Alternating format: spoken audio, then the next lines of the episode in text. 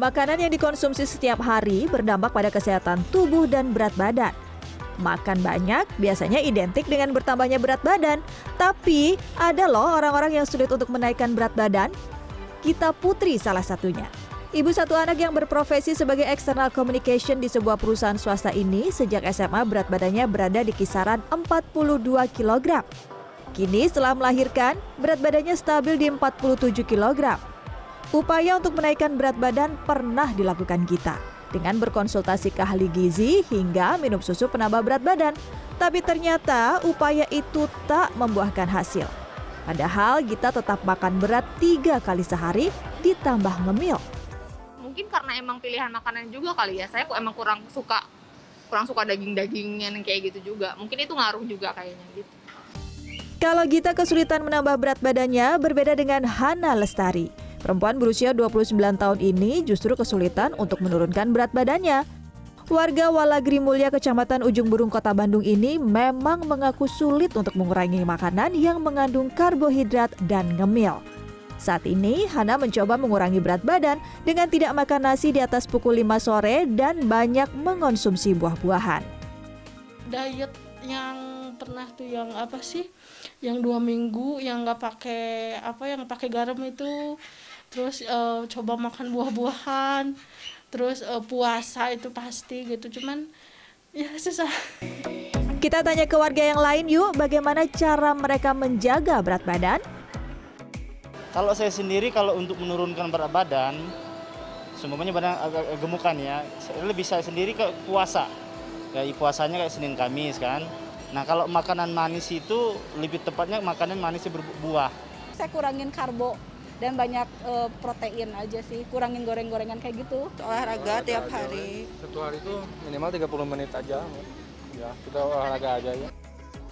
Ada banyak faktor yang membuat seseorang kesulitan menaikkan atau menurunkan berat badan, yakni faktor genetik, gaya hidup atau lingkungan, serta adanya penyakit khususnya yang berkaitan dengan metabolisme tubuh. Dokter Gizi Johannes Chandra menyarankan perlu diet yang seimbang agar proses penurunan atau penambahan berat badan berjalan dengan sehat.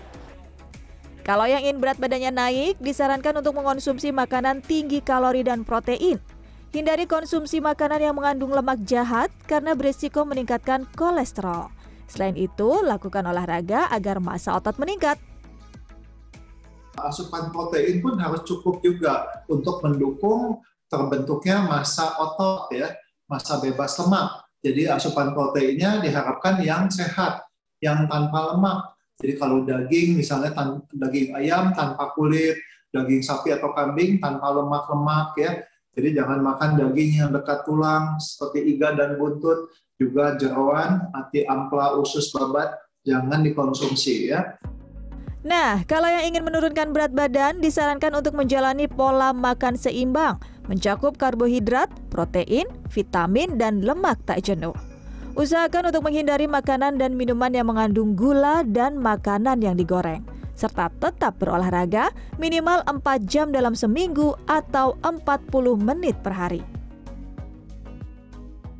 Jadi masih boleh mengkonsumsi nasi, roti, kentang, mie, cuma tanpa santan dan tanpa digoreng ya. Jadi jangan makan yang pakai santan itu seperti nasi kuning, nasi uduk.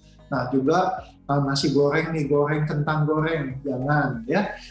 Kalau makan uh, daging jangan ada lemaknya ya, jangan digoreng-goreng. Jadi cara masaknya ditumis atau dicah, pepes, bakar, kuah, dan tim.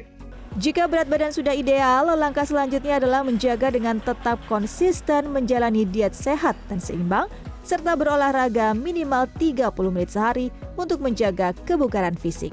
Tim Liputan CNN Indonesia, Bandung, Jawa Barat.